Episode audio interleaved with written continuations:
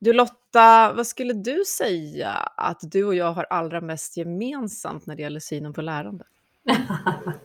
ja, det känns lite som att det kanske var en ledande fråga från dig. Nej.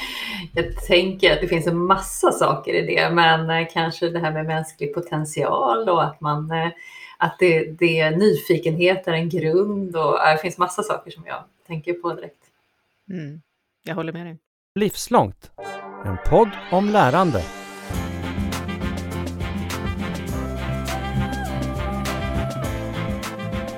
Och jag har ju redan berättat ganska väl visat, tror jag också, i den här podden nu under ett tag, vem jag är och vad jag eh, tänker om det här och tror jag nämnt att jag en gång i tiden ville bli psykolog. Och att jag sen på andra sätt har eh, deltagit och försökt bidra till andras växande. Eller ja, utforskat andra människor om man så säger så. Men eh, alla lyssnare känner ju inte dig Lotta, vem är du? Jag är kollega med dig, eh, jobbar på enheten Professional Education på RISE eh, och eh, har en bakgrund inom kompetensförsörjning, ledarskap, eh, ledarutveckling och jobbat med det under många år. Mm. Och hur hamnade du i den här podden tänkte jag säga, det vet du för det var jag som frågade dig att vara med. Och det har att göra med dagens ämne som är just kopplat till precis de här frågorna mm. och synen på mänsklig utveckling. Och då ska vi plocka med oss veckans gäst i det här samtalet tänker jag. Misstänker att vi kan skapa ännu fler gemensamma nämnare ihop då. Välkommen till mig Katarina Pietschak och Lotta då, Tekla Snede. Tusen tack, vad roligt att få vara med. Det är jättekul att ha dig här. Mm. Du, den enkla vägen att presentera dig är ju just att säga att du är psykolog och organisationskonsult kanske. Ja. Men vad vore ett mer helhetsartat sätt att berätta vem du är? Mm, det var en bra fråga. Jag är nog en, en, en, en nyfiken person som eh, tycker, om, tycker om ganska mycket frihet. Att eh, liksom kunna röra mig i olika sammanhang, jobba med olika personer. Eh, inte vara för fast i, i strukturer. Eh, jag tycker väldigt mycket om att jobba som egen konsult eh, och har gjort det. Liksom, jag brukar säga att jag aldrig haft ett riktigt jobb. Eh, utan jag har liksom alltid varit någon sorts frilans. Så. Eh, och eh, det finns ju mycket frihet i det, liksom att kunna välja sammanhang och välja, välja kollegor och kunna gå lite in och ut. Och så. Så det, eh, ja. Och vad var det som ledde dig till psykologin då, det där som aldrig blev för mig? En i alla fall. Eh, en, ja precis. Nej men jag, eh, saken med den att jag trodde att jag skulle bli läkare. Så, men sen jobbade jag, jag är från Norge från början, så att jag jobbade på ett sjukhus i Oslo eh, med väldigt sjuka cancerpatienter. Som ett så förberedande år innan läkarstudierna. Och då kom jag på att jag var ännu mer intresserad av hur människor reagerar och tänker och jag mötte ju mycket människor i kris och sådär. Jag tyckte det var väldigt spännande, det, de här samtalen man hade och, och så. Så att det liksom lutade över mer mot det än det här liksom medicinska. Så det var lite så det började faktiskt. Mm. Och då beskriver du ganska typiskt det som ofta händer här i den här podden och i människors liv, en, en slags väg in i ett livslångt lärande som kanske inte var helt utstakad från början. så. Nej. Eh, hur skulle du beskriva det livslånga lärandet sen, sen dess? Hur har liksom din läranderesa sett ut?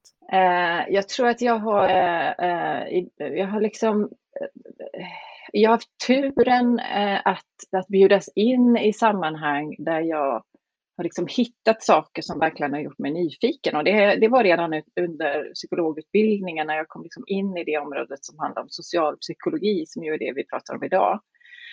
Eh, då, då, kände jag att ja, men nu, här har jag hittat någon hemvist. Det här blir jag jättenyfiken på. Så att jag förkovrade mig och ägnade alldeles för lång tid att skriva min uppsats. Så för att jag äntligen hittade något som verkligen var så mitt.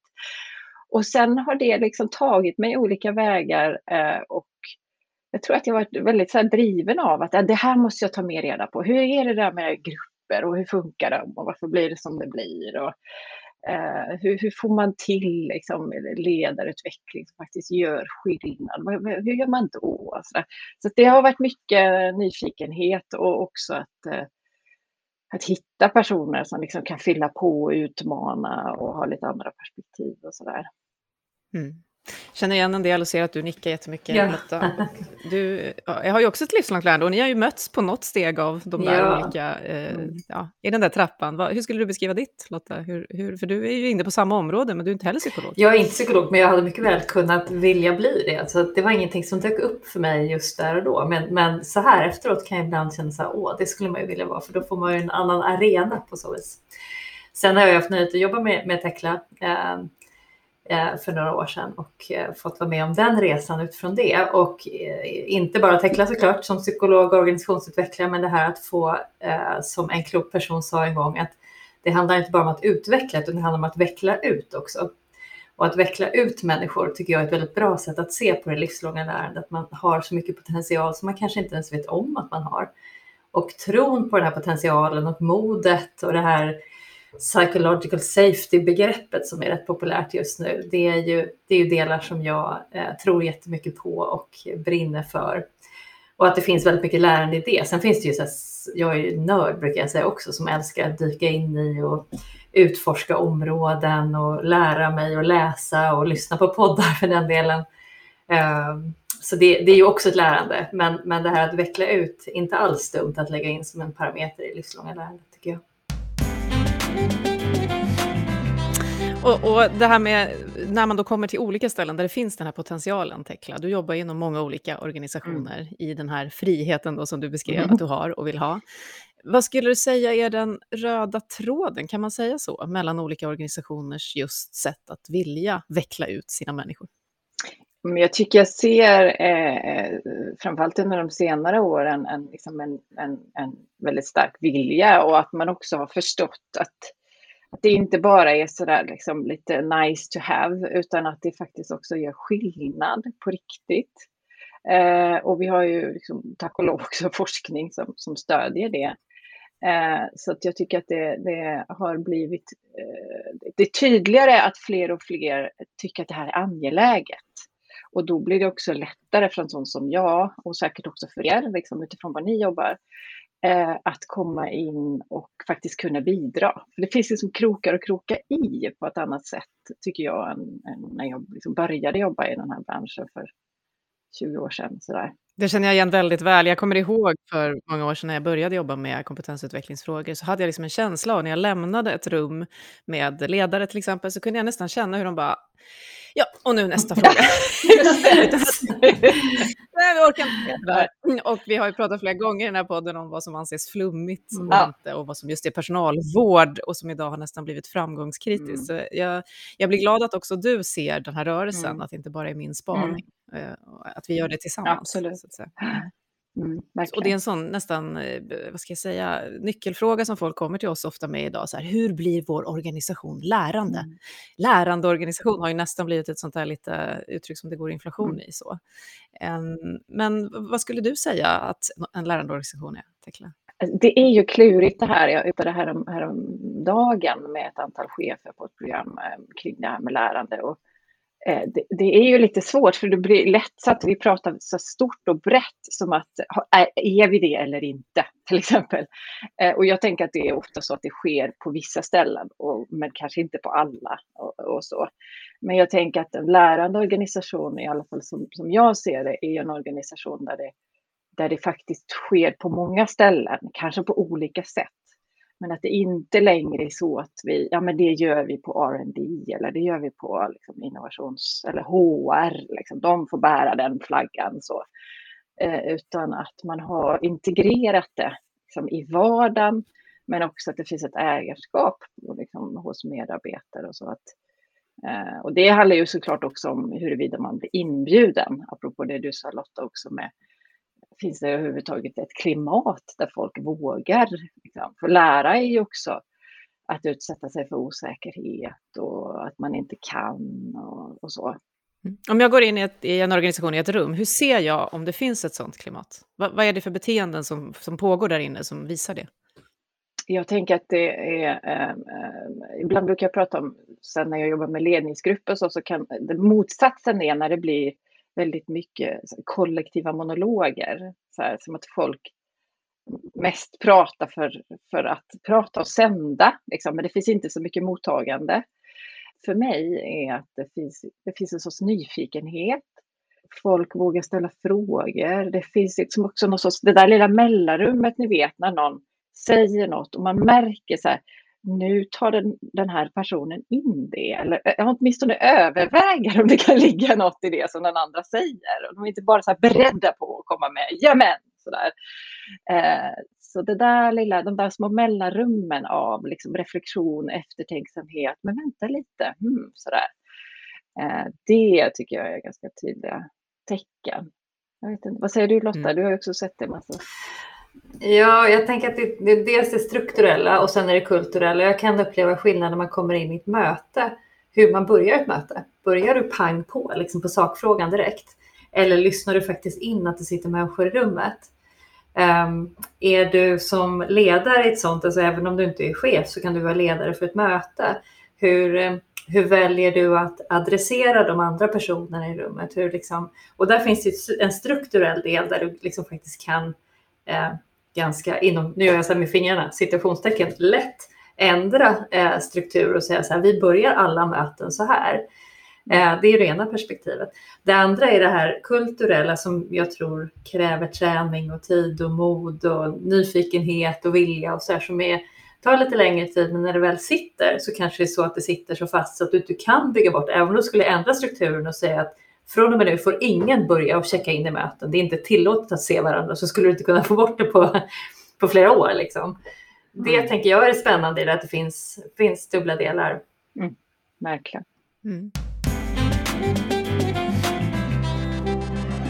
Och som vi har pratat om vad en lärandeorganisation är, Lotta, eftersom vi då finns på samma ställe, och också den här bilden som fortfarande finns på en del ställen, att det är just som du sa Tekla, det är HR mm. kanske som äger både kultur och lärandefrågan. Eh, det är det intern utbildning som man refererar mm. till på många ställen mm. fortfarande. Mm. Och det finns ju väldigt mycket värde såklart i det. Det finns ju mycket sån input som vi också behöver. Men eh, den här utvecklingen Lotta, du har ju också varit, innan vi var kollegor här, så har du varit chef och tittat på många olika organisationer. Hur har du följt den här utvecklingen? Hur tycker du att den har gått? Jag håller med om att det gått framåt och att medvetenheten har kommit in i det och att det gått från att det varit en HR-fråga till att det blir en fråga som vd äger. Att vd måste liksom köpa in på det. Och det kopplar ju ofta till i vårt, liksom den samhällsstruktur vi har, att det finns pengar eller effektivitet eller andra vinster att plocka hem med det här. Och det kan ju låta tråkigt, men ibland kan man liksom använda den argumentationen för att också få upp det på agendan och få att, att fler ska se att det är viktigt. Um, men för jag tror att högsta chefen måste liksom tycka att det här är viktigt och högsta chefen måste förstå värdet av det för att det ska hända. Sen kan det ju ske i mindre delar av organisationen där man kan bygga liksom sin egen kultur och så, men ska det verkligen genomsyra så tror jag att man behöver få upp det på, på i alla fall i, i en hierarkisk klassisk struktur. Och då tänker jag mig att det kan vara så, Tekla, att då när man känner att här, det här klarar vi inte riktigt själv, eller vi förstår att det är någonting vi behöver jobba med, men vi vet inte riktigt med vad, då ringer man dig. Jag såg på din sida några vanliga frågor, så där, vi behöver få ihop vår ledningsgrupp, vi springer åt olika håll som högpresterande eh, individer, eller hur kan vi utvecklas och bli mer lärande just, eller eh, det är allt mer komplexa utmaningar, den hör vi ju precis mm. överallt, eh, men vi vet inte hur vi ska hantera dem. Vad är det du försöka göra? Jag förstår att det är olika saker och du har en hel verktygslåda, men hur kan du hjälpa en organisation eller en ledningsgrupp då, som, som vill åt det här hållet? Vad jag tror är viktigt eh, när man går in eh, liksom utifrån och försöker hjälpa, då går man ju liksom in i ett system. Eh, det är ju att både det här att kunna se att saker och ting sker på olika systemnivåer, liksom både på individnivå, på grupp och på liksom organisationsnivå. Och att ha, liksom ha med alla de perspektiven Eh, i, i det man gör. För ibland kan jag tänka så här att om man till exempel jobbar med en ledningsgrupp eh, och bara ser till den så tappar man också perspektivet av att det de gör i det här rummet, det sätter väldigt mycket kultur av hur det är i hela verksamheten. Och, och, och det kan de vara mer eller mindre medvetna om så att säga. Eh, så det tycker jag är viktigt att ha ett systemtänkande. Eh, men också att att jobba väldigt mycket utifrån där folk är. Alltså att man inte, att man, att man jobbar med den verklighet, liksom, de står i den mylla som de står i. Och så jobbar de med den. Eh, och i det hitta, både om man tänker en ledningsgrupp, hur, hur, hur kan vi bli bättre på att jobba med de utmaningar som vi har på vårt bord? Eh, hur blir vi liksom skickligare på att prata om det på ett bra sätt och samverka när vi behöver det och så vidare. Eh, men också när det handlar om det här med att skapa lärandekultur och sådär. Eh, att bygga den utifrån de förutsättningar som vi har just hos oss. Så det inte blir så här, vi har läst den där boken, nu ska vi göra som han säger eller som de har gjort på Spotify eller något sånt. Och så, så blir det liksom så här, det blir helt fel för det stämmer inte med kultur och förutsättningar och, och så. Um, så det tror jag mycket på att, liksom, att man behöver skapa det från där man står och, och då blir min roll att hjälpa dem, facilitera den processen. Så. Mm. Och eh, så tidigt som möjligt också bidra till att man bär det själv så att man inte heller blir liksom konsultberoende av att det kommer en massa hela tiden och eh, se till att saker händer och så. Men jag tänker, det är flera saker du säger, jag tänker på det här med att få tid är också en sån sak som man kan tänka strukturellt. Om man ska säga konkreta tips så är det att se till att faktiskt få tid. Alltså många chefer och mellanchefer, man lever i en värld som är väldigt, väldigt pressad och stressad. Och hur skapar du då de här, eh, du har sagt också mellanrummen tycker jag är så viktigt, att de här mellanrummen, de måste få plats någonstans. Och de, alltså om inte vi som, eller alla som är chefer ska säga äger sin egen agenda, vilket man ofta inte känner att man gör tror jag, då är det ett jätteproblem. Hur ska man då förmedla det i organisationen? Och så, så det är väl liksom ett första steg man kan ta, ta, ta grepp om sin egen kalender och se till att man ha, skapar mellanrum, att man skapar utrymme för att få till både lärande, reflektion, eh, möjlighet till att få liksom feedback kanske, att be om feedback och fråga andra som har sett den i någon, något tillfälle eller som har jobbat nära att få liksom, hur upplevde du mig i det här? Hur, vad hände i det här och vad, liksom, vad skulle du behöva mer av? Alla de bitarna behöver ju få plats någonstans. Mm jag, jag, har en spaning som för några år sedan, så, eller ganska många år sedan nu, så började man ju prata väldigt mycket om digital transformation. Och då var det också så här digitala alibin, precis som vi pratade om lärande nyss. Alltså det var några som jobbade med digitalisering och vi andra kunde mm. hålla på som vanligt. Och nu är lärande någonstans i det att vi börjar också se att inte heller det går att ha på ett ställe då. Men då började man prata om ett digitalt ledarskap. Och då roade jag mig med bara för en tid sedan att googla på lärande ledarskap eller learning leadership. Och då ser jag att det börjar bubbla eh, bara som en terminologi på något sätt kring det. Och nu har ni sagt flera saker och så, men om man skulle liksom sammanfatta ett lärande ledarskap, eller ett ledarskap för lärande kanske är ännu bättre. Jag tänker att ledarskap är ju också, för mig är det, liksom, det är ju en funktion, så det är inte nödvändigtvis så att man har den här titeln, utan det är ju många i en organisation som, som kan utöva ledarskap. Men om vi tänker brett ledarskap så tänker jag att det, det handlar ju väldigt mycket om att, att ha någon sorts um, ödmjukhet kring att jag, jag sitter inte inne med alla svaren. Um, och det kan också finnas, um, apropå det du sa innan också Lotta, att många chefer har någon sorts förväntan på sig själva att de ska sitta på alla svaren och de ska liksom alltid veta och, och ha facit och sådär. Så, så det är också om att släppa lite det, liksom den förväntan på mig själv och se hur kan jag skapa ett sammanhang där vi tillsammans eh, lär oss av det som sker. Vi, vi kan, vi kan jag menar, tänker man komplexa utmaningar så, så kan vi inte sitta nu och göra en plan på precis hur vi ska gå från A till B, utan vi behöver lära medan vi går. Och då behöver man liksom kunna ta ett steg tillbaka och, och också säga att vi vet inte, eller jag vet inte, hur tänker ni? Alltså ta den typen av Eh, ödmjukhet och trygghet. För det handlar också om någon sorts, sitta lite lugnt i båten i det fallet. Eh, det tror jag är jätteviktigt. Sen tror jag också, för det är ju lätt att det blir lite så här, vi pratar om alla de här mjuka sakerna kring sårbarhet och nyfikenhet och så här. Men jag tror också att det handlar om någon sorts nästan disciplin av att vara lite så bestämd på att, eh, ja som du sa Lotta, om det här med, ja, men jag vill ha ett, ett visst sätt en eh, viss rutin kring hur vi börjar våra ledningsgruppsmöten. Eller jag ska avsätta tid. Vi ska göra en after action review efter varje liksom, projekt i vår organisation. Det bara är så. Eh, så den dimensionen också kommer in. Eh, för annars blir det bara något vi pratar om, men som vi inte riktigt får till i vardagen. Mm. Och det är en sån kulturfråga också om du är en, en, ledare kanske möjligen kan sätta mer ton, men som enskild medarbetare kan ju det där vara tufft om kulturen mm. inte stödjer det, eller strukturen. Så. Då, då, står du hela tiden i en, någon form av ändå kamp. eller motrörelse, det har vi ju hört flera prata om. Så.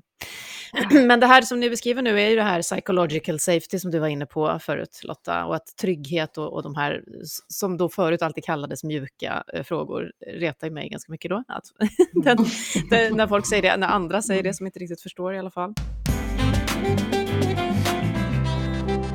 Då kanske jag blir trångsynt. Men eh, idag pratar vi om det här med vuxenutveckling och att de här komplexa utmaningarna just kräver ett större mått av förståelse för det här för våra förmågor, för vad vi behöver för att kunna ta oss an det som inte bara är då det vi lärde oss i internutbildningen eller kursen. Hur, mm. hur kan man hjälpa människor som tycker att det här är faktiskt lite skumt ombord? Att det här skulle vara liksom riktigt viktigt för min, min yrkesroll? Menar du som att övertyga dem att det är viktigt eller? Kanske få dem att känna det mer, alltså vad det är som, som gör att vi pratar om att vi måste stöta och blöta massa olika perspektiv, att vi måste lita på varandra och därmed ha någon form av teamutveckling och sådana frågor som inte direkt har med kanske resultatet att göra beroende på vad vi jobbar. Jag tänker det prova på som du kanske var lite inne på, att man måste få, få uppleva det. För har man upplevt det så är det också mycket lättare att ta till sig. Det kan ju ibland vara svårt att förklara en sån icke-linjär process Eh, och berätta att det här är bra därför att, liksom, så bara, ja, ja, men vi ska ju dit, liksom, kan vi bara göra det? Eh, och då tänker jag det här att faktiskt, eh, för vi har varit inne på komplexitet, att det är ju skillnad och komplexiteten har ökat. Jag tänker, Tekla, du med din bakgrund har ju massa kompetens inom hur man hittar verktygen i sig själv och att möta det. För att om hjärnan är, har ju en tendens att tänka samma tanke, liksom vara ganska repetitiv och vilja hitta sin trygghet i att gå tillbaks till det kan man, och nu tänker jag utan att veta så nu får du rätta mig, men jag tänker så här, kan man förflytta den tryggheten från i mig till att jag är så trygg i mig själv så att jag kan vara trygg i gruppen och våga liksom tänka större därför. Att det kan hjälpa min, min, mig själv att förflytta mig med hjälp av gruppen, att vidga mina perspektiv så, tänker jag. Ja men absolut, det tror jag. För jag, jag, det är ju precis som du säger, eh, det trycker ju både på en massa knappar i termer av våra grundläggande behov, Eh, där ju ett handlar om att, att, att, ha någon sorts känsla av kontroll och känna sig kapabel och att jag vet vad, liksom, hur jag ska göra och vad som förväntas och så vidare. Eh, men, men det handlar ju också om eh, liksom behovet av att känna, känna tillhörighet och liksom bli lyssnad på. Alla de här väldigt fundamentala känslomässiga behoven eh, körs ju igång. Eh, men sen tänker jag också att det är, ehm, jag har liksom grottat ner mig nu på senare tid rätt mycket i det här med vad händer med våra hjärnor när vi utsätts till exempel för komplexitet. Det finns en kvinna som heter Jennifer Garvey Berger som har skrivit väldigt spännande böcker om, om just våra, som hon kallar det, våra mind traps. Liksom vad vi hamnar i när vi hamnar i liksom komplexa frågor där det inte finns enkla svar liksom behovet av att, eh, återigen då, av att kontroll och förutsägbarhet eller kontroll, vårt behov av att ha rätt. Liksom, eller att förenkla världen, skapa enkla stories om hur saker och ting, detta händer därför att. Så, så det finns ju massa av det där som, som jag tänker att vi ibland, för att komma tillbaka till din fråga Katarina, som vi behöver ibland liksom lyfta upp och prata om. Så här, ta lite så här, nu, nu, nu, nu stannar vi upp här mitt i och så prata om vad händer här just nu? Varför blir det här samtalet i vår ledningsgrupp eller var vi nu befinner oss eh, så svårt just nu? Eh, eh, och min upplevelse är när, när, eh, när ledningsgrupper och chefer eh, till exempel eh, får lite hjälp och känner sig lite trygga i att förstå de där processerna, då blir det också lite mer attraktivt på något sätt att ägna sig åt det. Så återigen, det är inte bara flum, för det blev en annan kvalitet i vår diskussion när vi liksom hade pratat eller delat någonting kring det här. Um, men jag tror just att gå vägen från att eh, kanske inte så åka iväg tre dagar och, och, sitta på en klippa och sådär, utan mera kanske nu, låt oss, låt oss sätta oss ner och prata om våra största utmaningar just nu. Och sen under resans gång stanna upp och titta så här, vad händer nu i det här rummet? Och vad händer med dig? Och vad händer med mig? Och vad är det som gör att det här samtalet blev så himla bra den senaste timmen? Eller inte? Alltså. Så du börjar i det konkreta som ändå alla kan haka i kanske? För att sen ja, prata lite om hur liksom, blir detta? Mm. Precis, lite avmystifiera de här sakerna. för, för vissa är det fortfarande så att om man kommer in och säger att man är psykolog så blir de lite, lite rädda i blicken. Så att säga. Ska vi sitta i ring nu, har jag fått höra. Och jag är inte en psykolog. Ja. Eh, och berätta våra drömmar. Ja, ja, det ska vi. Ja, alltid. Flyttat stora styrelsebord för att komma in i ringen. Ja. Eh, jag nämnde vuxenutveckling som ju är ett, ett eget fält eh, idag i forskning och så, och som börjar då också synas mer och mer i det här som vi har pratat om, då, att vi ser en rörelse. Hur skulle du beskriva vuxenutveckling? Ja, men det finns lite olika spår i det där beroende på vem man väljer att liksom grotta sig ner i. Men det finns ju ett spår som handlar om att titta liksom på vår, vår kognitiva utveckling. Från början inom psykologin så tänkte man så här fram till 20 och sen blev det inte så intressant det som hände sen. Eh, men det man har sett nu på senare, senare tid är ju att det händer ju väldigt mycket med oss eh, under hela vuxen, eh, vuxenlivet. Och därav då det här begreppet vuxenutveckling. Så det händer ju både saker med oss rent kognitivt, liksom vår förmåga att och då är vi återigen kring det här med att kunna ta in olika perspektiv. Att rent mentalt hålla många olika möjliga lösningar eller scenarion eller perspektiv i huvudet samtidigt att stå ut med att det inte finns enkla orsakssamband, som du sa Lotta. Eh, så det finns ju liksom en kognitiv förmåga som man kan ha mer eller mindre av, så att säga. Eh, men sen finns det också det här som vi pratade om som handlar om jagutveckling, som är liksom en annan inriktning inom eh, vuxenutveckling, där vi eh, där till exempel Robert Keegan har skrivit eh, en hel del om detta och forskat på detta, där man tittar mer på hur jag förhåller mig till mig själv under liksom resans gång och där vi liksom under vuxenlivet, många av oss, det här är ju väldigt individuellt såklart, eh, rör oss mer mot att vi eh, på något sätt kan ställa oss lite utanför oss själva, liksom titta på oss själva lite som objekt. Så här, jag undrar varför jag reagerar som jag gjorde just nu, vad spännande, vad kan det bero på? Och att man också kan liksom se eh, eh andras reaktioner eh, lite, så här, med lite mer distans än att man bara så här, går igång på folk och bli helt ägd av sina reaktioner och, och så. Och det är ju, ger ju också en frihet, apropå det vi pratade om också, att känna sig trygg nog att i det där rummet skapa ett bra klimat. Det handlar ju också om att jag kan liksom ställa mig lite utanför mig själv och se så här, men nu, nu blir jag jättestressad, nu vill jag bara hitta en lösning, men, men det är kanske inte gynnsamt just nu. Får, nu får jag backa lite för att kunna göra den där lilla... Det kräver ju en förmåga att ställa sig lite utanför. Mm. Och det är ju vuxenutveckling. Och säkert, om man inte har tränat det mycket, kan vara läskigt eller obehagligt ja, att göra precis. då, tänker jag. Mm. Exakt. Mm. Eller också väldigt skönt, tänker jag. Jag bara tänker så här, det kan ju också vara, jag, jag liksom reflekterar över den andra sidan av det när jag lyssnar på, på er, att det här, det kan ju också vara väldigt behagligt om du fått göra det en gång. För att vi är ju, ibland tror jag att vi tror att vi är mer intellektuella varelser än vad vi är biologiska varelser. Och vi kanske trycker undan det här. Men att den här snabba reaktionen är ju sällan den bästa eller oftast inte den bästa kanske när man, vi inte är liksom riggade för att vara i ett ledningsgruppsrum eller i ett tufft möte eller någonting sånt där.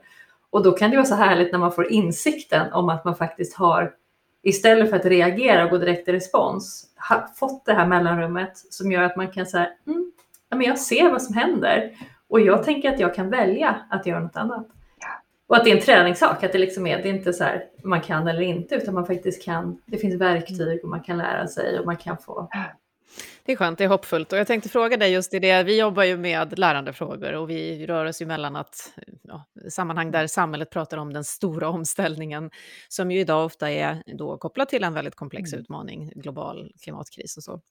Men i lärandefrågan, Lotta, vad skulle du säga att de här frågorna, hur viktiga är de idag eh, känns också som en ledande fråga. Men vad är det som gör att vi plockar in det här så mycket nu? Att, vi, att det krävs så mycket nu, skulle du säga? För mig, jag tror verkligen att det handlar om att det vi står inför och det vi är mitt i är så komplext så att vi behöver hitta nya sätt att navigera. Och då är ju det här ett väldigt bra sätt, för vi behöver hitta liksom fasta fundament, hur, hur förhåller jag mig, men också för att du behöver skapa mer mod i grupper. Eh, och som ledare då, som Tekla återigen sa, det här, det är inte, du behöver vara chef, men, men som ledare i något format så eh, behöver du ta in fler perspektiv. Du behöver se till att avlära för att kunna lära nytt. Du kanske behöver förflytta din kunskapshorisont. Det här är så här lätt att säga och låter ju bara härligt. Vem vill inte förflytta sin kunskapshorisont? Halleluja liksom. Men det finns väl ingenting som är svårare för det betyder att du behöver vi, vi har pratat flera gånger i utbildningar under våren om att det är en sak att lära sig det man vet att man vet och sen så kan man lära sig det man vet att man inte vet. Men nu ska vi lära oss det vi inte vet att vi inte vet. Och det blir ju lite så här jobbigt vad man säger. Det tänker jag gör att det här är helt, det är, det är inte bara viktigt utan det är helt avgörande tror jag. Så om man då, och det är då kanske man börjar leta efter enkla svar, för det blir väldigt liksom, osäkert. Allting gungar mm. plötsligt så. Och det kan vi också se på allt möjligt i världen, demokratiutveckling och så. Men om man då mm. vill träna sig varje dag, Tekla, om, man, om jag själv vill, i mitt självledarskap, vad jag nu har för position, hur, hur, kan jag börja eller hur kan jag träna det här? Jag tror det handlar, det handlar nog, eh, någonstans tror jag det börjar med någon sorts nyfikenhet. Eh, att jag ens är alltså, nyfiken på mig själv. Eh, för det tänker jag också är lite, det är också lite det som ligger i vuxenutveckling, att, att bli lite mer så inifrån ut styrd än utifrån in styrd. Och vi är ju programmerade och det är liksom meningen också under tonårstid och sådär att vi ska vara jätteskickliga på att läsa av liksom omgivningen och allas förväntningar och sådär. Så, så, det är klart att vi är väldigt bra på det, men, men så småningom också hitta, att säga, men vad är det som är viktigt för mig just nu? Eller som jag sa innan, vad är, det, vad är det som händer med mig just nu? Vad är det som gör att jag går igång på någonting? Så, så för mig är det liksom det någonstans, eh, det är där det börjar. Eh, och det är svårt nog eh, att lite då och då så här, checka in med sig själv. Så här, vad händer just nu? Eller hur är det idag? Eller vad vill jag med det här mötet? Eh, vad är min intention med det här samtalet som jag ska gå in i nu? Eh, för det tror jag bygger mycket också av den ut, nyfikenheten som sen andra också kan känna när man är runt den. Liksom, att här är en person som är, som är, som är genuint nyfiken. Eh, och att inte göra det så jättestort liksom, som att man liksom, måste göra så 20 minuter mindfulness varje dag och så där för att bli någonting, någon reflekterande människa. Utan att det är verkligen att ha ha sig själv lite i, i de små stunderna och ha de här små samtalen. Liksom, som, jag tror det är väldigt mycket där det börjar. Uh, sen kan det generera ett intresse av att förkovra sig mer och jobba mer liksom, strukturerat med det. Men, uh, men jag tror det är väldigt mycket där det börjar. Då får vi alla försöka gå tillbaka till det eh, när vi känner att nu gick jag in i mitt automatiska beteende. På ja, precis, precis. Stort tack ja. Tekla Snede, psykolog, organisationshjälpare, stödjare, ja. bakom ja. ridåarbetare, för att Just du kom det. till eh, mig och Lotta Chippy Fredriksson här idag. Tack, det var väldigt härligt att prata med dig. Mm. Och nu eftersnacket. Ja, det här känns som att vi skulle kunna sitta och prata om i flera dagar på en klippa. Yep. som Tekla sa. Men vad skulle du, mm. när du hör Tekla beskriva och sådär Lotta, jag står själv och tänker på vad har varit viktigast för mig i min vuxenutveckling? Vad har fått mig att vilja gå in i de här frågorna? När jag ibland ser att andra då tycker att det är jobbigt. Vad skulle du säga, hur är det för dig? Ja, men jag tror att den här nyfikenheten som har kommit upp flera gånger, eh, nyfikenheten också den här att ett visst mod, att man utsätter sig för saker, att man faktiskt stoppar in näsan och ibland undrar själv varför gjorde jag det där nu då? Det är också ett stort mått av utveckling i det. Särskilt om man lägger på eh, reflektion i efterhand, då finns det ju extremt mycket lärande att göra i, liksom, i det. Mm. Uh, och Tekla sitter ju på något sätt, och Tekla och hennes yrkesområde, liksom, de sitter på något sätt på en del nycklar som jag tror att vi alla kan gagnas av att ta del av. Och för mig har det kanske vägen in varit att jag varit chef eh, under många år och, och privilegiet man har som chef är att man ofta får gå en hel del utbildningar för att man ska då bli bättre för sina medarbetare och sådär. Och då blir man faktiskt lite bättre för sig själv också och man får en, en bra bas med verktyg att bygga vidare utifrån. Mm. Och det kanske också verkligen är ett sånt tips att, att ta hjälp. Jag tänker också på en, en av de mest så här, självreflekterande och utvecklade vuxna som jag har träffat i mitt liv är ju till exempel en, en som jag känner som har gått i anonyma alkoholisterbehandling. Mm, mm. Och då har du också det där mötet med dig själv och går du verkligen in i det så händer det ju verkligen någonting. Eller då som du säger ledarskapsutveckling eller så. Mm. Att vi ibland också har någon slags tro på att vi ska fixa saker själv. Och det, det finns ju nycklar att hämta här. så. Mm. Och kanske, jag vet inte hur du skulle säga, men kan vi säga någonting hur det är då när man har vågat göra det här? Var, var det jätteläskigt efteråt? Alltså när man har vågat utsätta sig själv mer? Nej, det, jag skulle säga att det är precis tvärtom. Att det, är, det är ju det som är att det var inte så farligt. Att det, det är ju det som blir konklusionen lite grann. Att det är så här, jaha, var det inte värre än så här? Varför har jag inte gjort mer av det här tidigare? Uh, och det är ju just det att, att se att vi har två processer som pågår i vårt arbetsliv hela tiden. Det är liksom vad vi ska producera och hur, och sen är det hur det går till här. Hur, hur möts vi? Hur, hur interagerar vi? Och jag tror att vinningen är att reflektera över det, lägga med det som en parameter. Den är så enorm i, eh, om man nu vill välja parametrarna ekonomi eller effektivitet eller liksom vad det är. Och det gäller ju oavsett yrkesgrupp skulle jag säga. Att det, det, det, och jag tror att den insikten är, den är, har kommit väldigt, väldigt långt. Vi pratar offentlig sektor om tillitskommissioner och annat. Där man faktiskt tittar på att faktiskt förändra eh, styrperspektiv, alltså den strukturella delen till eh, och, och under, alltså bygga och stötta den kulturella delen för att också få en bättre eh, slutprodukt för brukaren eller användaren och i den kommersiella världen liksom att ha ett kundperspektiv på det sättet. Så det är ju det är där någonstans det börjar och slutar mm. Mm. Jag blir så glad varje gång jag ser att det händer på riktigt och inte är ett kulturdokument ja. som vi förhåller oss till. Du, jättetack för idag. Det var jätteroligt att du var med oss här i podden. Tack själv, Katarina. Ha det bra. Hej då. Hej då. Du har just hört Livslångt, en podd från RISE om allt det där man lär sig i livet. Vi hörs om en vecka igen.